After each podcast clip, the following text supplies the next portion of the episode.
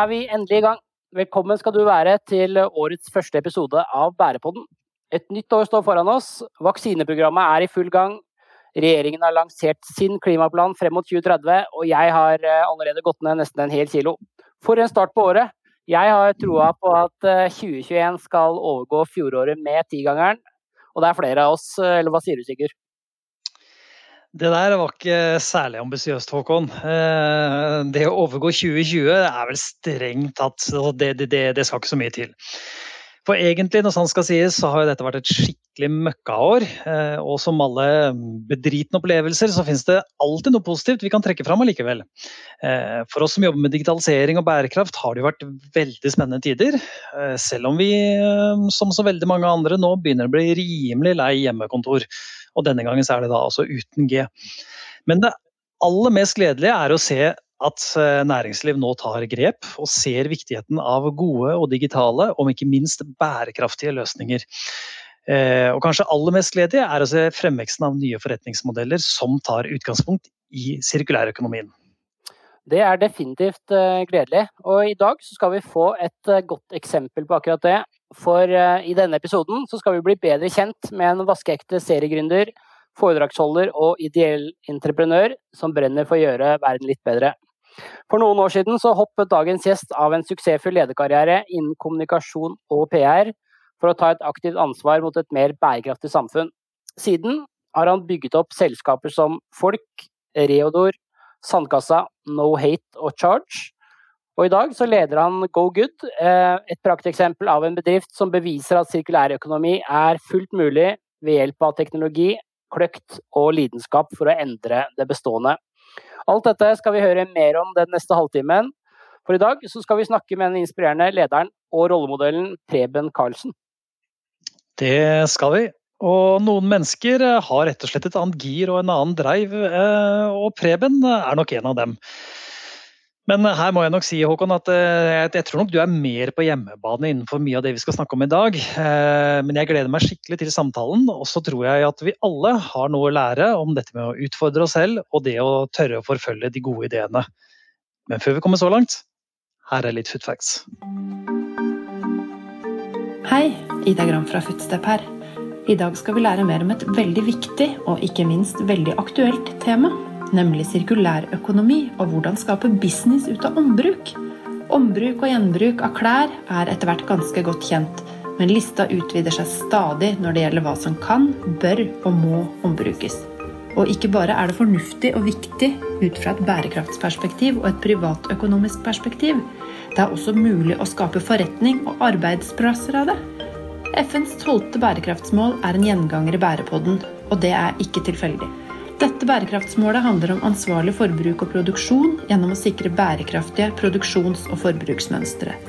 Til dette ligger det en rekke delmål som sier noe om hvordan hele produksjonskjeden bør innrettes, og hva som må til for å understøtte dette.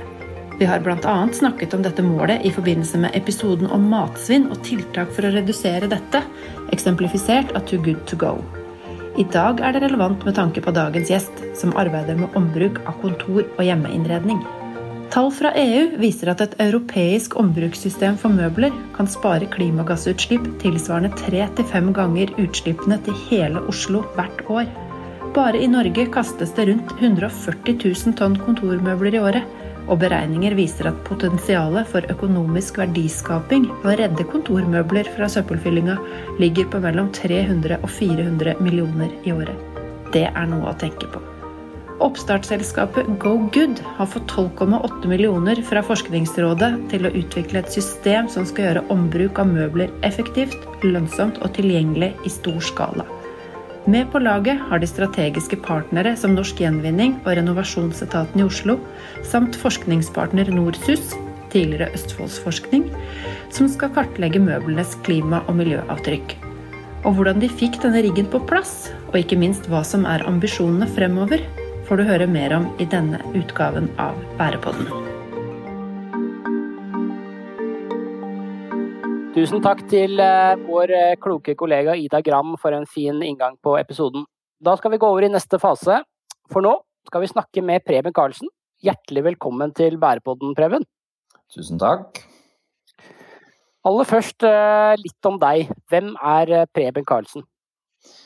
En enkel fyr fra, fra, landet, hadde jeg nær sagt. Nesten. Jeg var født og oppvokst på Nesodden. Eh, og så har jeg egentlig eh, halvstudert røver, vil jeg si.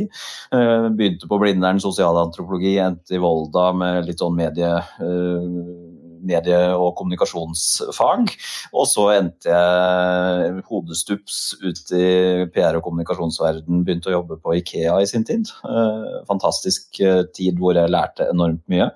Eh, om utradisjonell kommunikasjon, egentlig, som jeg tok med meg videre. Og så ble jeg henta til PR-bransjen og, og, jobbet som konsulent en del år, før jeg etter hvert uh, fikk en, en, ganske stor lidenskap for å prøve å involvere mennesker i kommunikasjon og det vi holdt på med. Så det, det, det ga meg egentlig mer og mer trua på at det gikk an å gjøre ting smartere og bedre. Uh, og, og, for å teste ut det, så starta jeg et selskap som heter Trigger, hvor jeg håpet at vi skulle få muligheten til å levere ekte og engasjerende kommunikasjon som, som involverte målgruppen mye mer i både kommunikasjon, merkevareutvikling og produktutvikling.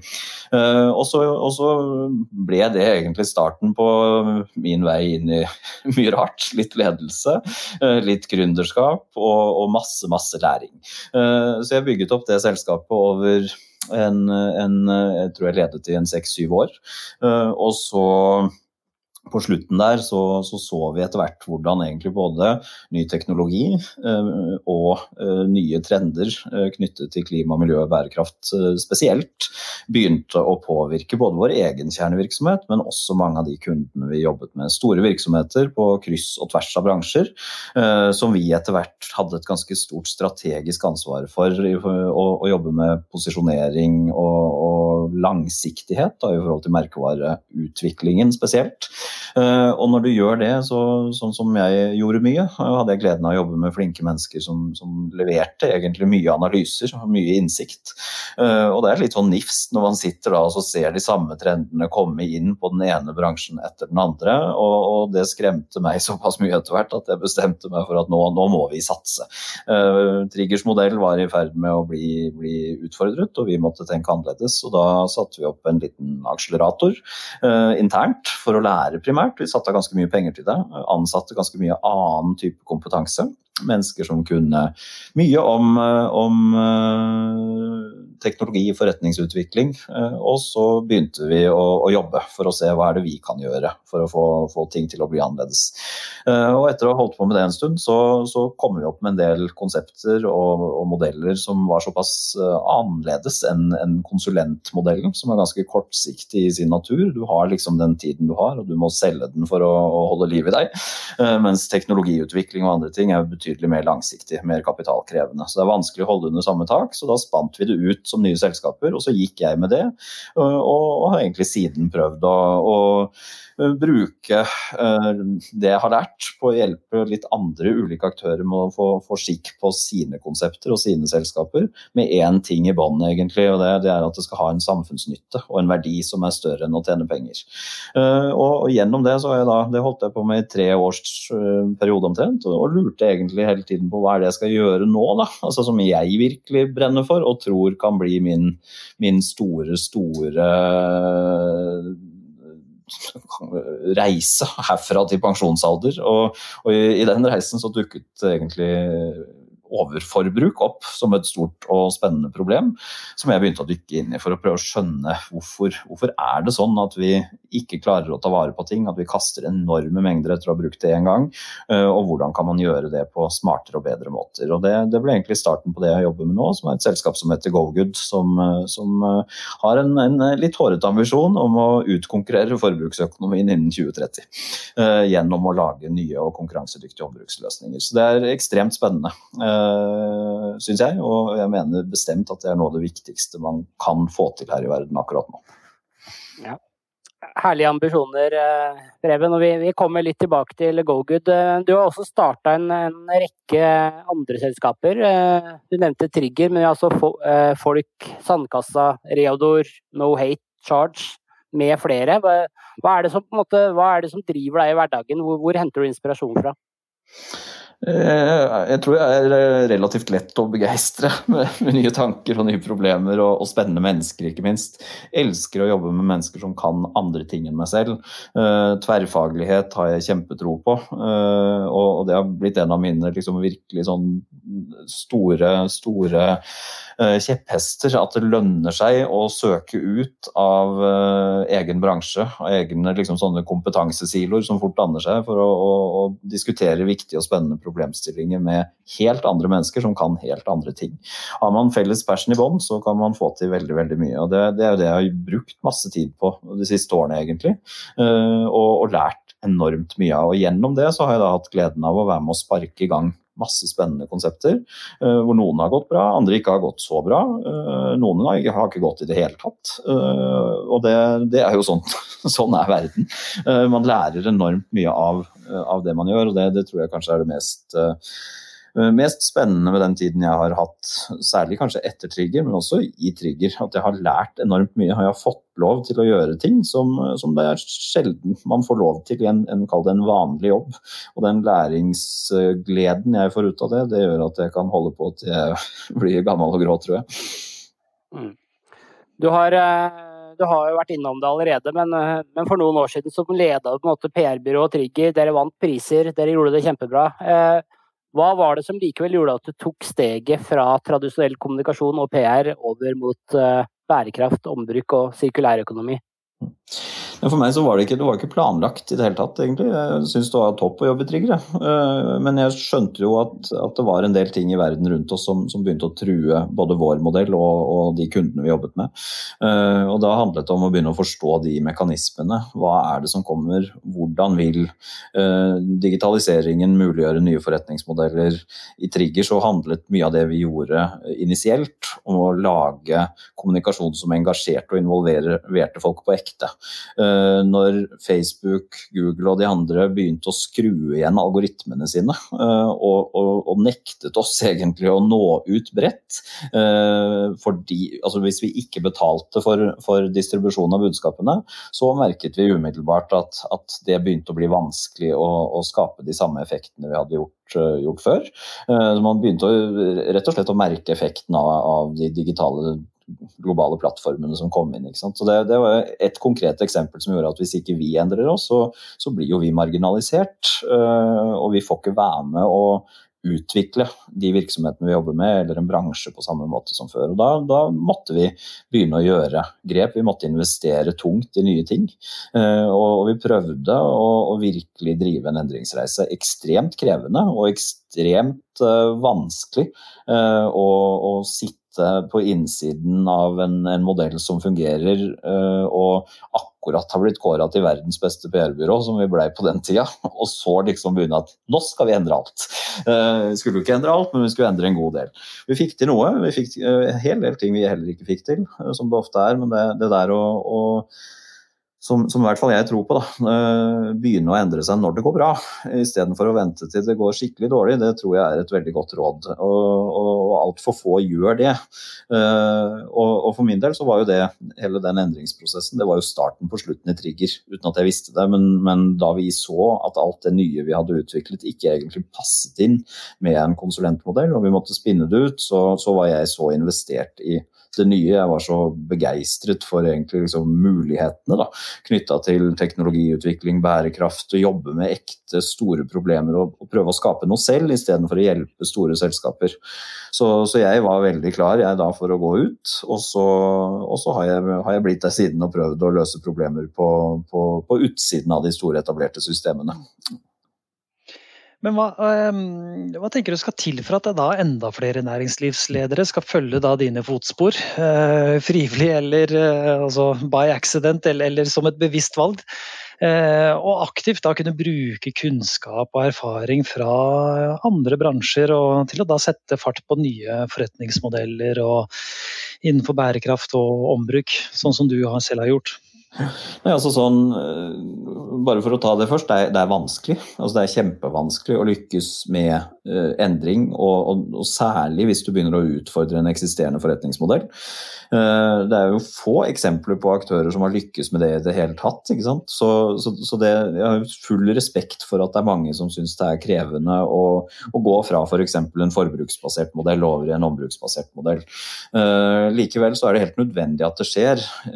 Ikke bare fordi at, at verden er annerledes og, og, og rett og slett vi må gjøre det for klima og miljøets skyld og samfunnets skyld, men også fordi eh, selskapene selv kommer til både å tvinges til det gjennom reguleringer og den eh, type grep, men også fordi, fordi i forhold til det jeg jobber med nå, eh, vi er i ferd med å bruke opp eh, rå materialene i naturen. Eh, og, og det, som, det, ser man allerede på råvareprisene. Det blir dyrere og dyrere og dyrere, dyrere å kjøpe f.eks. metaller som kobber, som man trenger i veldig mange, mange elektroniske ting. Uh, og det merker jo disse selskapene på bunnlinja. Og da begynner man jo å tenke hvordan kan man få mer ut av de bruksloopene. Men det øyeblikket man begynner med det, så må man se på verdikjeden sin. Uh, man må se på forretningsmodellen sin. Man må skru om på kulturen og DNA-et insentivmodellene i selskapene. Så det er en kjempetøff jobb. Uh, og, og, noen uh, kommer kanskje til å klare det på innsiden, men jeg tror de fleste gjør klokt i å eksperimentere. Uh, enten helt på utsiden med egne initiativer, eller i samspill med etablerte eller nye startups som, som driver i, i randsonen mellom en, en, virksomhet de sitter i og en forretningsmodell de sitter i, og kanskje det som kan bli morgendagens. Men Det er, det er vanskelig arbeid, dette. Men først og fremst så tror jeg sånn eh, det å gå etter nysgjerrighet, da, åpenhet for mm. hva som rører seg, og tørre å ta signaler tidlig og gi seg litt tid på det. Eh, kanskje ikke være så utålmodig som jeg var i Trigger, men, men modne det lenger. Det tror jeg er, eh, er klokt for å, å, komme i gang. Og Det er kanskje akkurat det dere gjorde da når dere startet da GoGood, som vi var litt inne på med, med, med å ta tak i et område hvor det en, har vært en bruk-kast-mentalitet. Eh, også gjenstand for, for dette med, med råvarer osv. Men, men um, for alle som ikke vet hva GoGud er for noe, så må du, du må fortelle oss hva, hva, hva er GoGud og, og, forretningsmodellen som ligger bak. Mm. GoGud er, eh, altså Vi jobber med en ganske kompleks problemstilling og vi jobber ganske dypt med teknologi for å, å lykkes med det. Så Hovedambisjonen vår er å utvikle en digital plattform som skal muliggjøre ombruk i industriell skala innenfor ulike typer bransjeområder. Eh, for å komme i gang og være veldig konkrete, eh, så har vi begynt med kontormøbler som første produktvertikal. Eh, det var ikke given i det hele tatt. Så vi, vi brukte lang tid på å lande på det som et fornuftig starting point, men vi så at her skjer det en god del ting. Vi kaster 140 000 tonn møbler i Norge hvert år.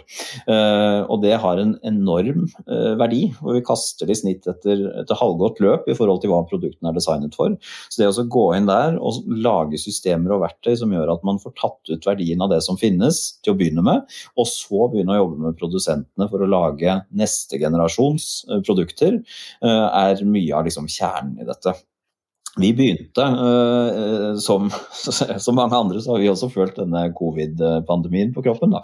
For vi begynte virkelig å jobbe aktivt med produktutvikling uh, omtrent akkurat for et år siden. Og da, da, bestemte vi oss kontormøbler, det er et godt sted å begynne.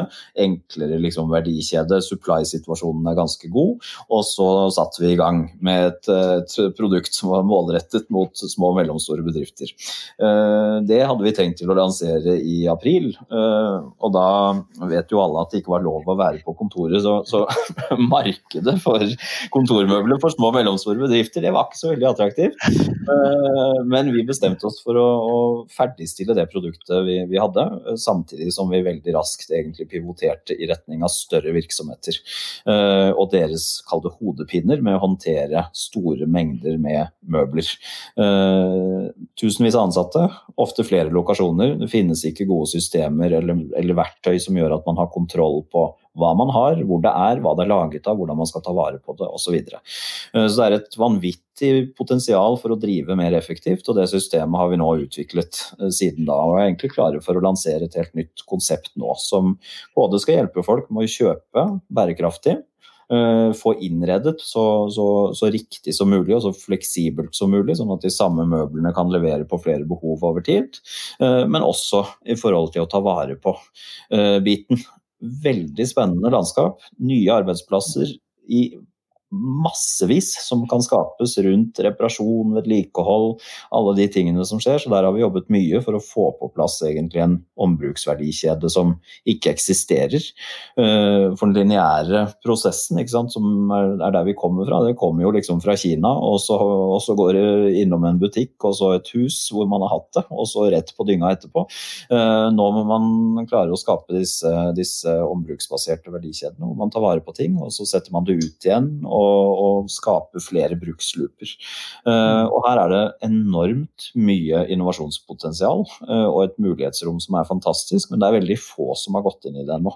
Uh, og det er litt rart, fordi hvis du løfter blikk og ser ut av landet til f.eks. EU og ser hva de gjør, og hvor offensive de er, så er det ingen tvil om at verden er på vei et sted. Og det er flere som burde ta det ordentlig inn over seg.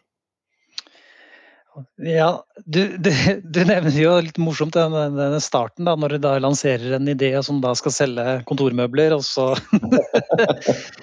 er vi midt i starten av covid. Det er liksom sånn Murphys law som slår inn. Men, men da er vi da veldig interessert i å høre eh, hvordan har markedet respondert nå? Altså, det, ser dere noen tegn til endringer, eller må dere justere hele forretningsmodellen også?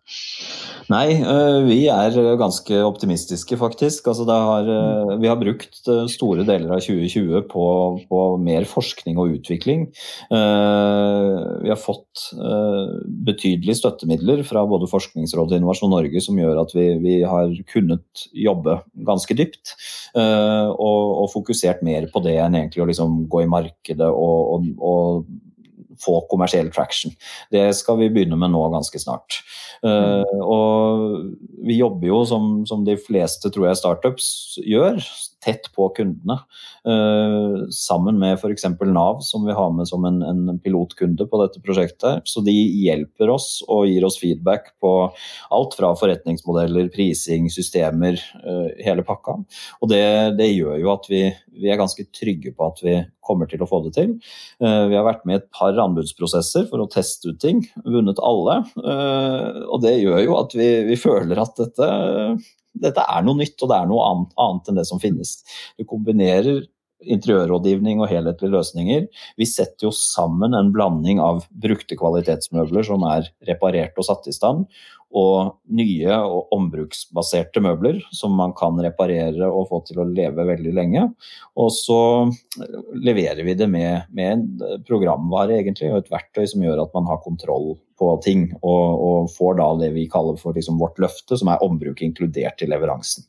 Det tror jeg ganske sikkert kommer til å skje med varehandelen uansett hvilket bransjeområde man snakker om, at man må ta ansvar for produktet også etter at man har solgt det. Uh, I dag er jo bruktsalg og ombruk kundenes ansvar. En veldig stor ekstrajobb. og Derfor så er det mange som bare hiver ting. Uh, mens vår jobb er å, å, egentlig levere løsningen som gjør at ombruk inkludert er en del av, en del av det kjøpet du gjør når du velger mm. Så det er spennende, spennende reiser fremover. Absolutt. Eh, og, og, og, du ser jo gjennom skjermen her hvordan det ser ut på hjemmekontoret til både meg og Håkon. og, og hvis, hvis uh, vi uh, tenner på denne ideen, eller noen andre lyttere tenner på denne ideen, eller Footsteps skal uh, endre på, på kontorlokalet sitt, hvordan kommer det i gang? Hva, hva, hva, gjør man konkret? Det er jo bare å gå inn da på gogood.no, og så tar man kontakt med oss.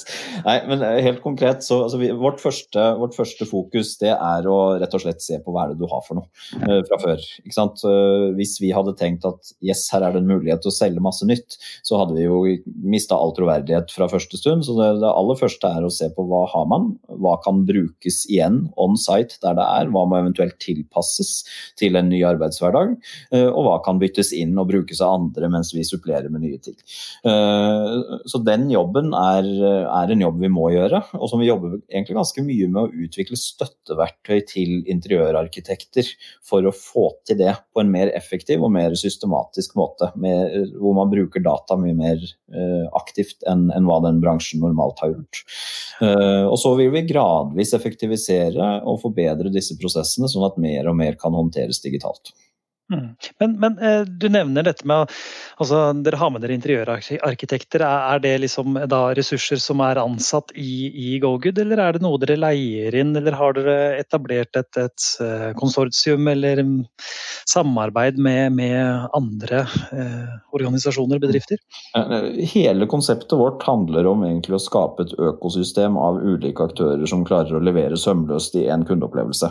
Eh, så for kunden så har de en one-stop-shop, og det er oss. Eh, og så er det vi som organiserer de ulike aktørene, som både gjør interiørrådgivningen, eh, som leverer møblene, eh, som reparerer og tar vare på møblene, og selvfølgelig også frakt og installering og montering og sånt. Så hele ende-til-ende-tenkningen er vesentlig her, fordi det er alle som har prøvd å drive med innredning på egen hånd, vet hvor gøy det er. Det er mye friksjon, og den fjerner vi i sin helhet. Så nå kan man i praksis egentlig liksom forholde seg til en digital løsning der man planlegger rommet sitt, eh, velger stilen, trykker eh, bestill og betal, og så kommer noen og installerer det uten at du trenger å ha en Umbraco-nøkkel i, nærheten engang.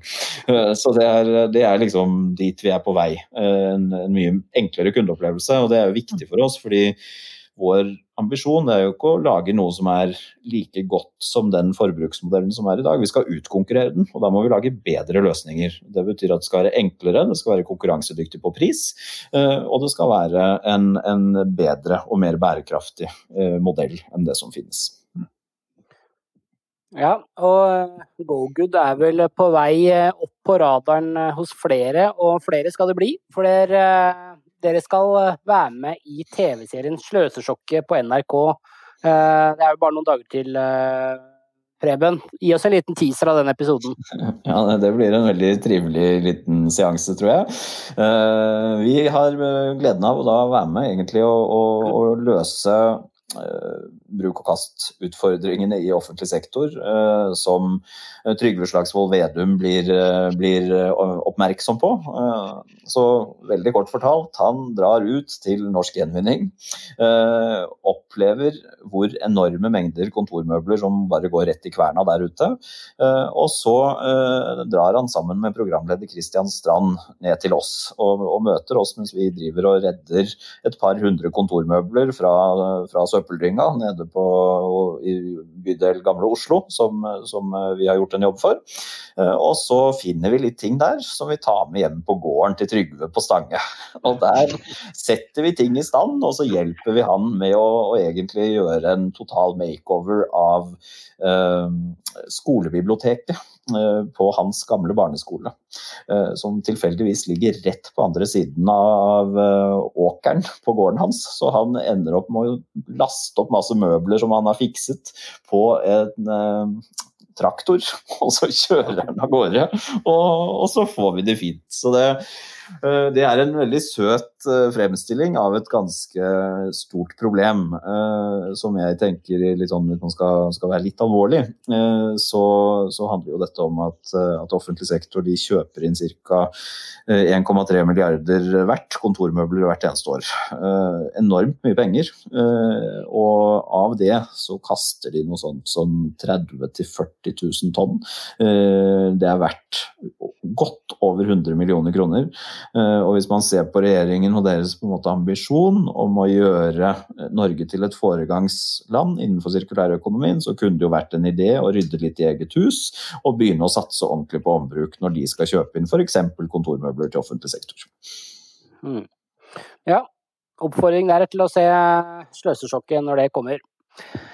Og så eh, har da, som du så vidt nevnte, Preben, regjeringen eh, la nylig frem sin eh, klimaplan for hvordan Norge skal nå klimamålene frem mot 2030. Hvordan vurderer du den satsingen? Den inneholder mye bra uh, på, på, mange områder, det, det, må jeg si. Uh, men et av de tingene som, som, jeg ganske åpenbart savner, er jo at man aktivt tar stilling til forbruk og, og hvordan vi håndterer den dimensjonen. Uh, unnskyldningen er på en måte at ja, men, det er ikke vi som slipper ut disse tingene, fordi vi, vi importerer det sant, fra land langt der borte. det blir for lettvint. Vi vet at Norge ligger helt øverst i verden på forbruksstatistikker. Eh, samtidig så, så, er vi vel absolutt bunnivå når det kommer til å ombruke materialer. 2,4 eh, mener jeg en ny rapport viste eh, fra i fjor, at vi av alt som gikk inn i økonomien av materialer i fjor, så klarte vi å bruke 2,4 mer enn én en gang.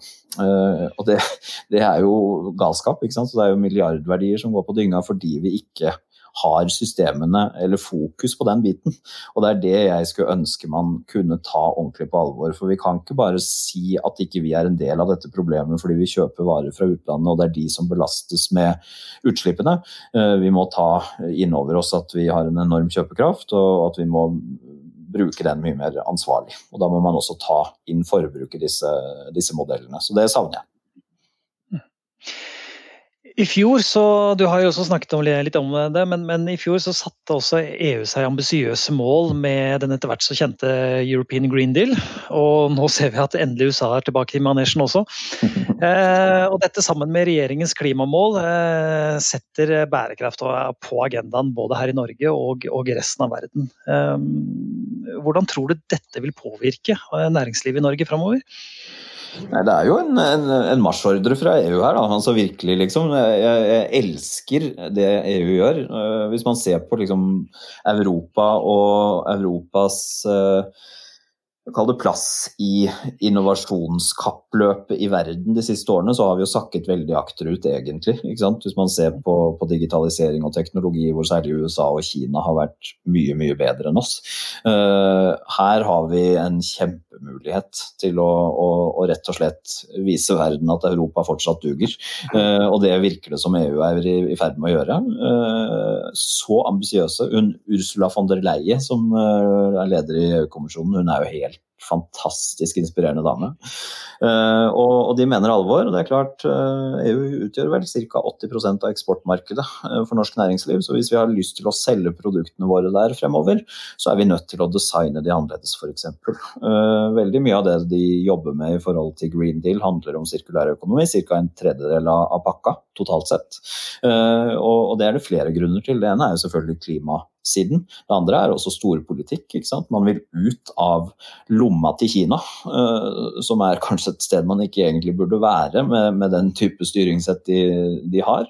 Uh, og de er jo hele verdens fabrikk. Uh, så ved å gjøre den europeiske økonomien mer sirkulær, så får man automatisk mye mer kontroll over både produksjonsressursene og råmaterialene man bruker. Eh, og Det ser jo EU som en kjempemulighet, i tillegg til eh, klima- og miljøgevinstene og mulighetene for å skape betydelige nye arbeidsplasser. For man snakker om 18 100 milliarder kroner i nye verdiskapingsmuligheter i EU. Eh, en mulighet til å halvere klimautslippene eh, og skape 3-5 millioner nye arbeidsplasser. Så dette er et mm. vanvittig spennende mulighetsrom eh, som selvfølgelig norske bedrifter og også norske myndigheter er nødt til å, å ta mye mer på alvor. Ja, EU som eh, foregangsaktør innenfor eh, klima og, og, bærekraft var det kanskje ikke så mange som så for seg for eh, ti år siden, men vi har kommet dit, altså. ja, jeg mener jo det. Alt tilsier jo at de, de, er jo den aktøren som tar Parisavtalen mest på alvor. Både gjennom pisk og gulrot, holdt jeg på å si. De setter av betydelige midler for å stimulere denne utviklingen, i tillegg til at de jobber veldig aktivt på, på reguleringsfeltet. Og akkurat reguleringer har jo EU ganske god erfaring med å gjøre effektivt, så vi får håpe de bruker den kraften liksom, til, til, litt mer hensiktsmessige ting enn å, å, drive med sånn krumninger på agurker og sånt, som, som, de jo ofte blir hengt ut for. Og det, det er jo ting som tyder på at de, de gjør det nå. Så det er, det er en veldig spennende, spennende, reise. Og først og fremst vil jeg si en kjempespennende mulighet for norske bedrifter og norske gründere som har lyst til å, å, å eh, bidra. Mm. Vi i Bærepodden har jo snakket med, med, med ganske mange om, om, disse problemstillingene. og Eh, det det blir dratt fram mye om, er jo liksom Ja, bærekraft er nå på, på uh, alerten og på agendaen på, hos veldig mange. Uh, men det er utfordrende å, å implementere da disse bærekraftstrategiene inn i kan du si, hele virksomhetsstrategien og, og, og vite hvordan man skal forholde seg til det. Uh, og, og, vi ser jo at han, eh, IT-direktøren i, i eh, Bouvet skrev en artikkel i Digi hvor han hevder at også modenhetsnivået innenfor dette her sånn er jo omtrent som modenhetsnivået på digitalisering da i, i, næringslivet var for 30 år siden, sånn, sånn cirka. Eh, og, og, tenker at liksom eh, at, at, vi må eh, bruke den erfaringen og det tankesettet som man brukte den gangen på å speede opp overgangen til et mer bærekraftig samfunn. Eh, har du gjort noen refleksjoner rundt det? Ja, altså på sett og vis. Jeg mener jo at digitalisering er jo en avgjørende del av, av løsningen, så klart. Hvis man skal klare å, å utvikle mer bærekraftig og mer intelligent Eh, ressurshåndtering, da, eh, som er en, en, vesentlig del av det vi, vi, må få til.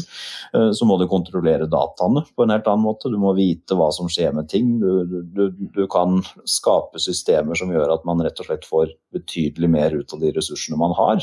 Og det hadde ikke vært mulig hvis man ikke hadde smarte digitale systemer. Så syns jeg jeg synes nok 30 år var litt negativt, da, må jeg si. Jeg håper vi har kommet litt lenger. La oss håpe det ikke er helt reelt 30. men, men, det er klart, det er en modning som pågår eh, i aller høyeste grad. Eh, og mange er redde, fordi eh, jeg tror på mange måter at folk er engstelige for å snakke om at de tar grep hvis de ikke er sikre på at de er liksom 100 innafor, hvis du skjønner hva jeg mener. For Det er så mange som er ute etter å arrestere arrestere folk for at de ikke gjør nok, eller at man, man, er i en sånn type fase. Så en av mine sånne kjepphester er å være mye mer nyansert, for det er jo ingen som gjør dette 100% bra. Eh, det er heller nesten ingen som gjør det 100% dårlig. Men, men, det å ha en nyansert forhold når man snakker om det, ta grep for å gjøre ting bedre enn man har gjort, og ha hårete ambisjoner, men òg være ærlig på at der er vi ikke gode nok. Og dette handler jo ikke bare om klima og miljø, det handler jo om, det vet dere godt, altså de sosiale aspektene som er helt helt vesentlig i denne, dette skiftet her for å få det til. Så man må ha med seg alle de tingene og måle da suksess på flere områder enn det økonomiske. Inkludere klima- og miljøavtrykk eh, og, og, effekter knytta til det, og, og, også de sosiale avtrykkene. Eh, og så liker jeg også å ha med kundeverdi helt ned på individnivå når man snakker om liksom, hvilke parametere styrer man etter i et selskap. Klarer man det, så kan man, kan man på en helt annen måte ha nyanserte diskusjoner. Og er det én ting verden trenger etter fire år med Trump, så er det nyanser. og fakta, ikke minst. Støttes. Det er, eh, det er, spennende å høre på deg, Preben. Du, du, har vært, eh, du, har vært, med på mye gjennom karrieren. Altså, møbler er i fokus nå, men du har jo åpenbart uh, flere gjennomtenkte perspektiver. Får vi snart se deg i aksjon med enten deg en ny idé? Nei, altså jeg har jo lett etter noe som jeg syns er kjempestort og kjempespennende, og som jeg kan jobbe med til jeg blir pensjonist, som jeg sa i stad. Og det å lage en helt ny økonomi, uh, som, som, dette egentlig handler om, det er ganske vanskelig. Så jeg, jeg, har hendene fulle med det over lange tider fremover. Men, men, utgangspunktet vårt, det er jo å utvikle en plattform som kan muliggjøre eh, ombruksøkonomien innenfor forskjellige typer bransjeområder. Eh, vi har masse initiativer på gang som ligger under den paraplyen. Eh, vi jobber med nye finansieringsmodeller i tillegg til verdikjedebiten. Vi jobber selvfølgelig med å få opp en markedsplass som kan tilgjengeliggjøre andre typer løsninger. Vi ser på white-labeling av teknologi, eh, som kan gjøre at man under eget brand kan, kan bruke mye av det vi har utviklet, osv. For dette er ikke en, det er ikke en solospillerjobb å bygge en ombruksøkonomi, det er noe man må gjøre sammen. Eh, på kryss og tvers av aktører og selskaper og, og sektorer, både offentlig og privat. Så det, det, er nok å ta og jeg har ikke noe, ikke noe, behov for å gjøre noe annet på, på lange tider. For jeg har, har dagene og, og nettene i og for seg ganske fulle. ja, det er herlig. Vi nærmer oss slutten. Eh, Men helt til slutt, Preben. Det, det, det, spørsmålet det stiller vi alle våre gjester. Hvem mener du ligger lengst fremme i Norge når det gjelder å se digitalisering og bærekraft i sammenheng? Hvem har du lyst til å gi en stor bukett med virtuelle blomster? Du, eh, jeg syns Tomra er et veldig spennende selskap, eh, må jeg si. Eh, de har jobbet med dette lenge i forhold til, til gjenvinning og resirkulering av flasker. Og så har de selvfølgelig kommet ganske mye lenger på andre områder. De satser stort på å, å gå fra bare flasker over i andre områder på, på sirkulærøkonomi. Og har en ekstremt sofistikert teknologi for å lykkes med det. Så det syns jeg de har fått til bra. Og så er det en annen ting jeg liker veldig godt. Den er litt, litt sånn en enkel, fin greie, da, men som handler om å inkludere den sosiale dimensjonen også i deres produkt, nemlig Pantelotteriet. Eh, som genererer betydelige inntekter til Røde Kors. Så det er et sånn type konsept som jeg, jeg liker veldig godt. Eh, og som jeg har veldig stor tro på at de, de, de sitter på et utgangspunkt for å gjøre mye, mye mer innenfor også andre områder fremover, og det, det er spennende. Et selskap vi kan være stolte av. Mm. Tusen takk for det. Ehm, det var rett og slett eh, det vi rakk for denne gang når vi kom til veis ende. Men vi har bare sett begynnelsen av hva overgang til sirkulær økonomi betyr i praksis. Og en av dem som driver dette fremover i Norge, det er eh, deg, Preben Karlsen. Tusen takk for praten.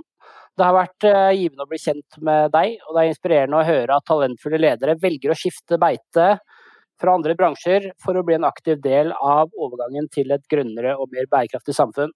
Sånne som deg trenger vi flere av. Det var det vi i Foodstep eh, hadde på tallerkenen for denne gang. Bærepodden er tilbake veldig snart med nye spennende gjester som viser vei mot en mer bærekraftig klode som barnebarna våre og deres etterkommere skal få glede av i mange, mange år fremover. Tusen takk for at du hørte på. Ha en nydelig dag videre.